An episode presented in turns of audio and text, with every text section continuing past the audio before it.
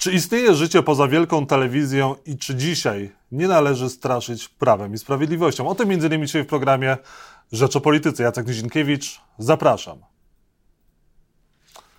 A Państwa i moim gościem jest Marcin Meller, dziennikarz, publicysta, y, pisarz, powieściopisarz, autor programu Drugie Śniadanie y, Mellera, no ale przede wszystkim mąż i ojciec. Dzień dobry, cześć.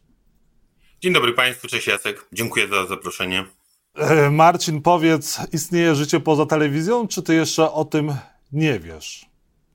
Się to się okaże.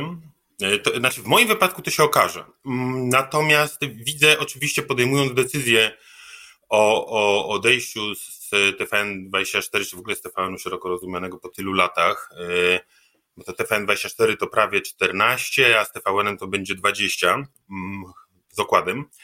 Oczywiście przeanalizowałem przypadki różnych koleżanek i kolegów, y, którzy poszli na swoje i zwłaszcza tych koleżanek i kolegów, znaczy nie, wszystkich, tych, których zmuszono do odejścia, nie mówię o TVN, tylko w ogóle z dużych mediów, i tych, którzy zrobili to z własnej woli, o czym wiedziałem, że zrobili z własnej woli. Oczywiście są, wiesz, plusy dodatnie, plusy ujemne.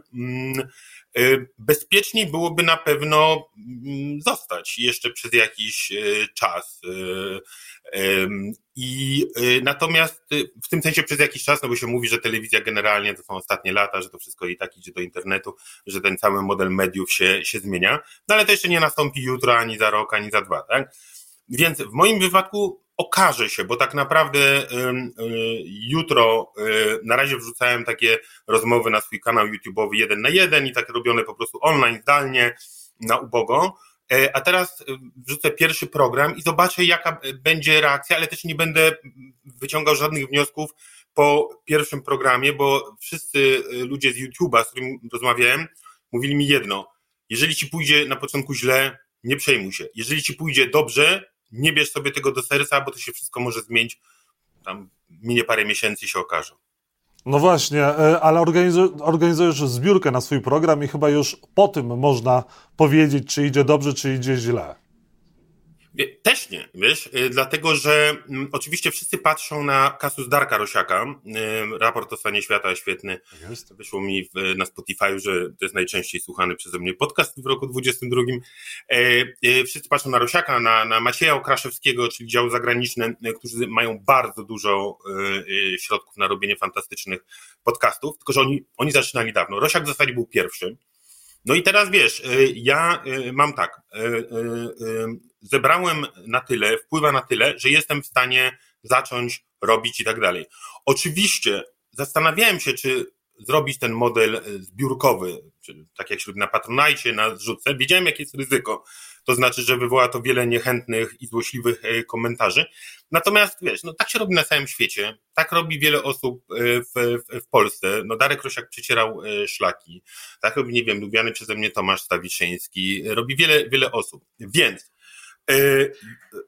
rozmawiałem z ludźmi, którzy się na tym znają, to mówią, że te parę tysięcy abonentów miesięcznego, plus tam zebrałem ponad 11 tysięcy w ogóle na, na, na start, to tych realiach jest bardzo dobrze i weryfikacja przyjdzie w ciągu najbliższych paru tygodni, kiedy widzowie dostaną to, na co wpłacili, bądź się zastanawiają, E, czy wpłacić. To znaczy, ja, ja wiem po przykładzie, e, moja żona na przykład płaci na Tomka Stawiszyńskiego, ale powiedziała, że zaczęła płacić gdzieś po pół roku, dopiero jak zobaczyła efekt. Ja płacę na przykład na Okopres, a nie, nie, wpła- nie zacząłem wpłacać od dnia zero, tylko jak zobaczyłem, że dostarczają fajne e, treści i, i, i apelują o to, żeby ich wspierać, także mm, też będę wiedział za jakiś czas. Jakie treści ty zamierzasz dostarczać w swoim programie, bo formuła chyba będzie podobna do tej, którą stworzyłeś e, w programie Drugie Śniadanie Mistrzów.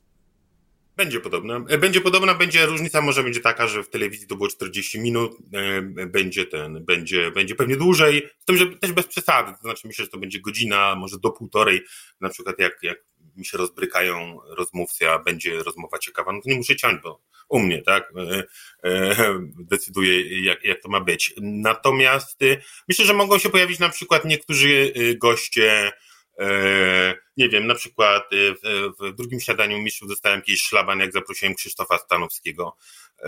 Stanowskiego nie lubią w wielu miejscach, w tym w TVN24, no do siebie zaproszę, bo kto mi zabroni, prawda? Stanowski mnie zaprosił, poczułem się strasznie u niego w programie. E, e, z powodu pytań.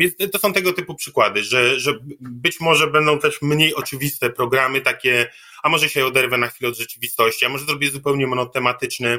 E, taki, ja też widziałem, że no, w TVN24, telewizja informacyjna, są pewne reguły gry. To znaczy, że jak na przykład kiedyś zrobiłem, była premiera bodajże jakiegoś filmu Szumowski i tak wyszło, że cały program gadaliśmy tylko o tym filmie. Była fantastyczna rozmowa, sponsoring to był chyba. No i potem usłyszałem, znaczy to nie był opieprz, ale uwagę, że tak powiem, od przełożonych, no ale Marcin, pamiętaj, że to jest telewizja informacyjna, ty zrobiłeś 40-minutowy e, program e, dla kinomaniaków.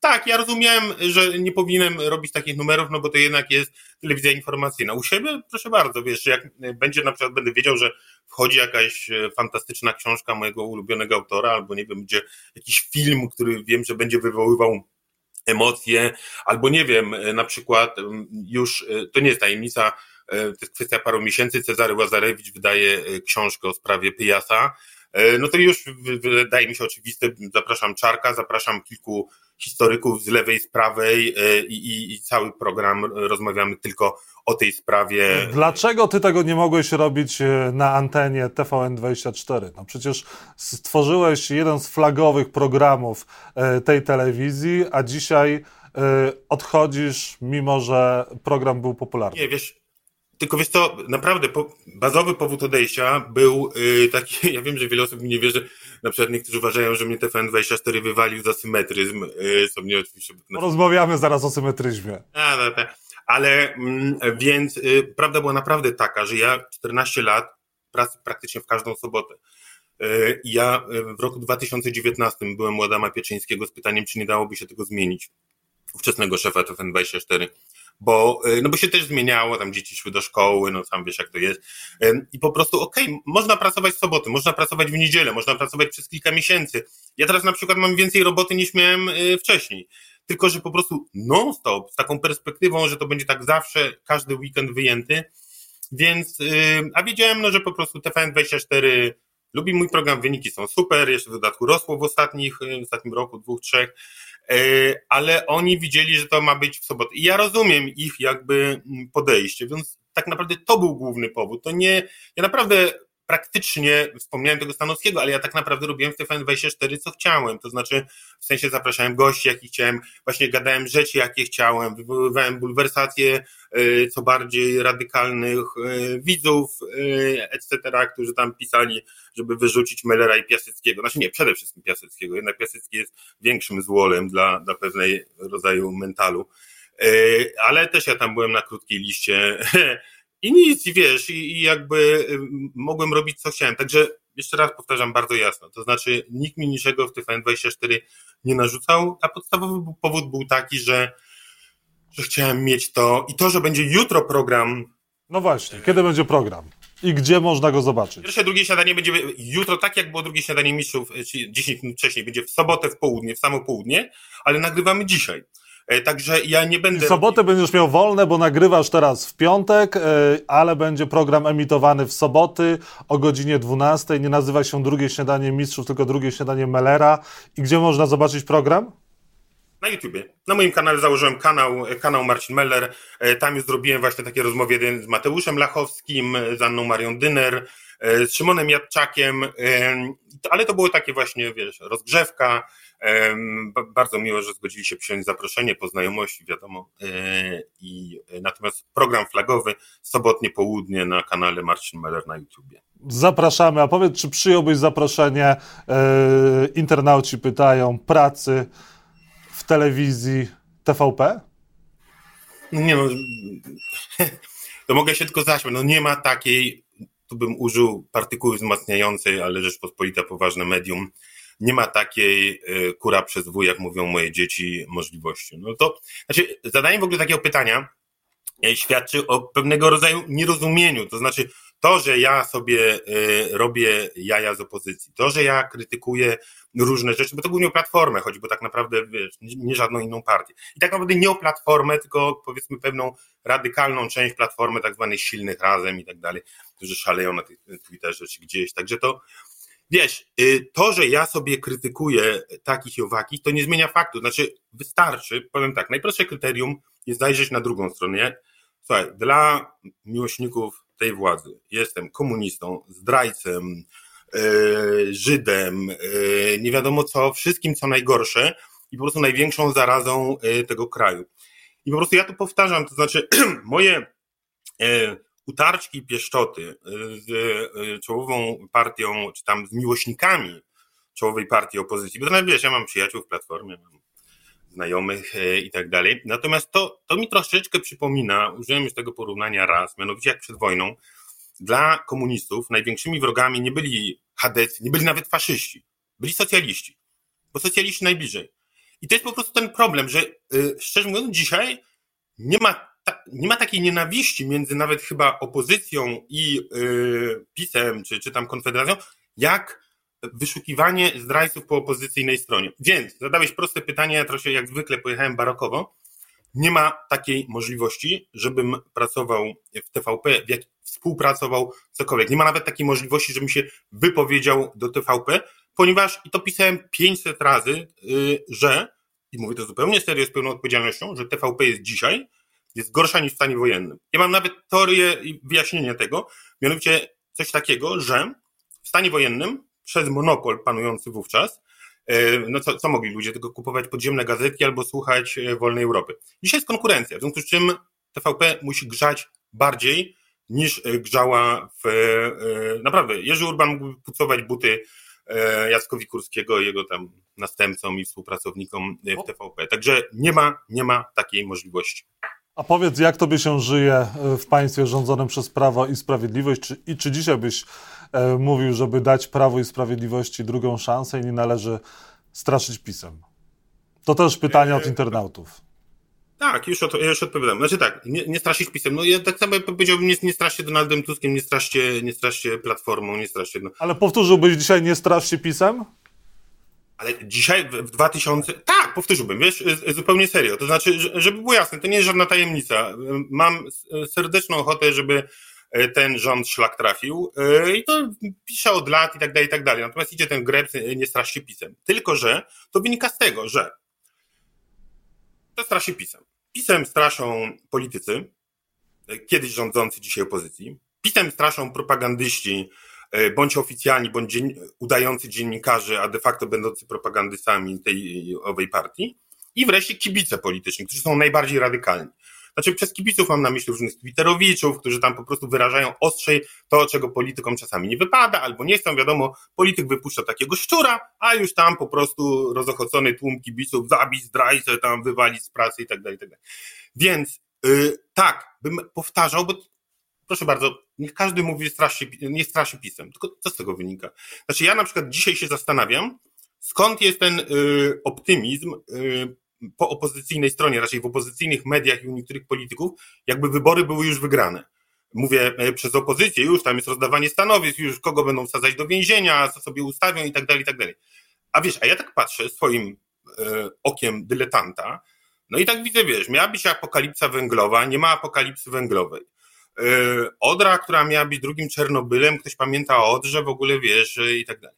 E, widzę, wiesz, jakoś e, planowanie tej kampanii wyborczej całkiem sensowne przez PiS widzę jakieś nie do końca zrozumiałe, w ogóle niezrozumiałe kłótnie po stronie opozycyjnej. Co? Jeżeli teraz ja powiem to, co powiedziałem, a mógłbym rozwinąć te wątki, to znaczy jakiegoś takiego zawrotu głowy od właśnie nawet nie sukcesu, bo są jakieś parę sondaży i to też można by sprawdzić, na ile te sondaże są wiarygodne. Więc krótko mówiąc, patrząc tak dzisiaj, to ja bym się zaczął niepokoić, szczerze mówiąc, E, kto te wybory wygra za parę miesięcy. I teraz oczywiście można powiedzieć, że wybory będą sfałszowane i tak dalej, i tak dalej. Jeżeli przyjmiemy założenie, że wybory jednak nie będą sfałszowane, to ja bym się na miejscu opozycji nie, nie, niepokoił, a nie, bo, albo się zastanowił na przykład, czy samo hasło, właśnie, czy samo straszenie pisem, albo że odsunięcie PiSu od władzy e, rozwiąże wszystkie problemy.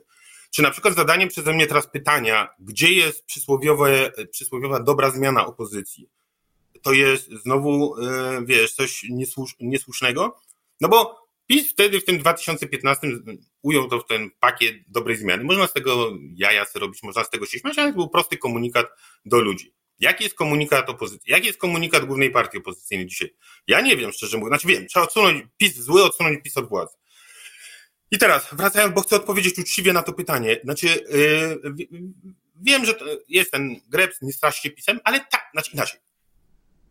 Jeszcze raz. Yy, nigdy nie byłem zwolennikiem PiSu i to wiesz, no, wystarczy poczytać to, co pisałem, ale dobra, nie każdy musi czytać. Chodzi mi tylko o to, że tekst Nie straszcie pisem, mówiony wtedy w roku 2015, tak bym powtórzył, dlatego w tym sensie, że straszenie niczego nie, no, nie rozwiązuje. No co, no straszą politycy dziennikarze opozycyjni ludzie od lat tym pisem i ten PiS ciągle wygrywa. No to może by się zastanowić dlaczego, a nie wiesz, szukać, szukać kozłów ofiar. E, I dwie kwestie na koniec. I dwie kwestie na koniec powiedz, a jeżeli chodzi o Andrzeja Dudę, mówiłeś w 15 roku, żeby dać szansę Andrzejowi Dudzie. E, jak dzisiaj tobie podoba się ta prezydentura i czy jesteś dumny z głowy państwa, która cię reprezentuje? To jest, e, są dwa rodzaje odpowiedzi. E, to, to żeby dać szansę, to, to było napisane po wyborach, bo tam niektórzy mówią, że ja w ogóle wzywałem do głosowania na Dudę, ale dobra, napisałem to po wyborach. Mm, dostałem i powiedziałem dać sobie dwa lata i bodaj no, rok później, przed terminem, dać sobie dwa lata. Y, jeszcze może najkrócej wyjaśnię choćby moją motywację. Na przykład byłem zdecydowanym przeciwnikiem Aleksandra Kwaśniewskiego, jako człowiek wywodzący się tam z antykomunistycznej y, opozycji y, przed 89 roku. No dla mnie zwycięstwo Aleksandra Kwaśniewskiego to było coś strasznego. Wydawało mi się, że wtedy, mówię w pierwszej turze, że świat się zawalił. No i wiesz, no minął czas. Najpierw tak niechętnie doceniałem, że jest całkiem niezłym prezydentem. No dzisiaj uważam, że był najlepszym prezydentem e, trzeciej RP, najlepszym prezydentem Polski po 89 roku. Mówię to z pełną świadomością. Tak.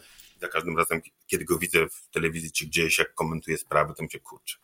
Szkoda, że nie ma takiego prezydenta. I taki to był też, y, uważałem, że y, należy dać y, szansę. Pomyliłem się. Odszczekałem to już bodaj rok później w, w tekście, który zresztą E, wrzucałem wielokrotnie na każde zapytanie przez widzów, no i co, nadal pan uważa, że Andrzej Duda jest dobrym prezydentem. I to wszystko, uważam, że Andrzej Duda, i to znowu, tylko nie teraz, to można by długo gadać, no, znaczy, pytanie, dla mnie zły prezydent, dla swoich wyborców bardzo dobry, no bo wygrał jakoś... Krótko, godnie cię reprezentuje, jesteś, jesteś dumny z tego, teraz, jakiego masz powiem prezydenta? jedno, uważam, że jest to zły prezydent z jednym wyjątkiem, to znaczy sprawy Ukrainy. I tutaj po prostu e, absolutnie popieram e, e, to, co robi Andrzej Duda w sprawie Ukrainy, w sprawie stosunków z Wołodymyrem Załęckim. Kropka. Czyli po prostu 80% na nie, 20% na tak. Jeżeli w drugim śniadaniu Mellera będzie tak gorąco i będą takie tematy jak podczas naszej rozmowy, to będzie naprawdę gorąco. Na pewno będziesz miał tam nie tylko fanów, ale również gorących przeciwników. Marcin Meller był Państwa i moim gościem. Dziękuję za rozmowę. W sobotę o 12 śniadanie Mellera, tak? Na, na południe. Na YouTubie. Dziękuję bardzo, pozdrawiam i życzę powodzenia na nowej drodze życia. Wielkie dziękuję Państwu.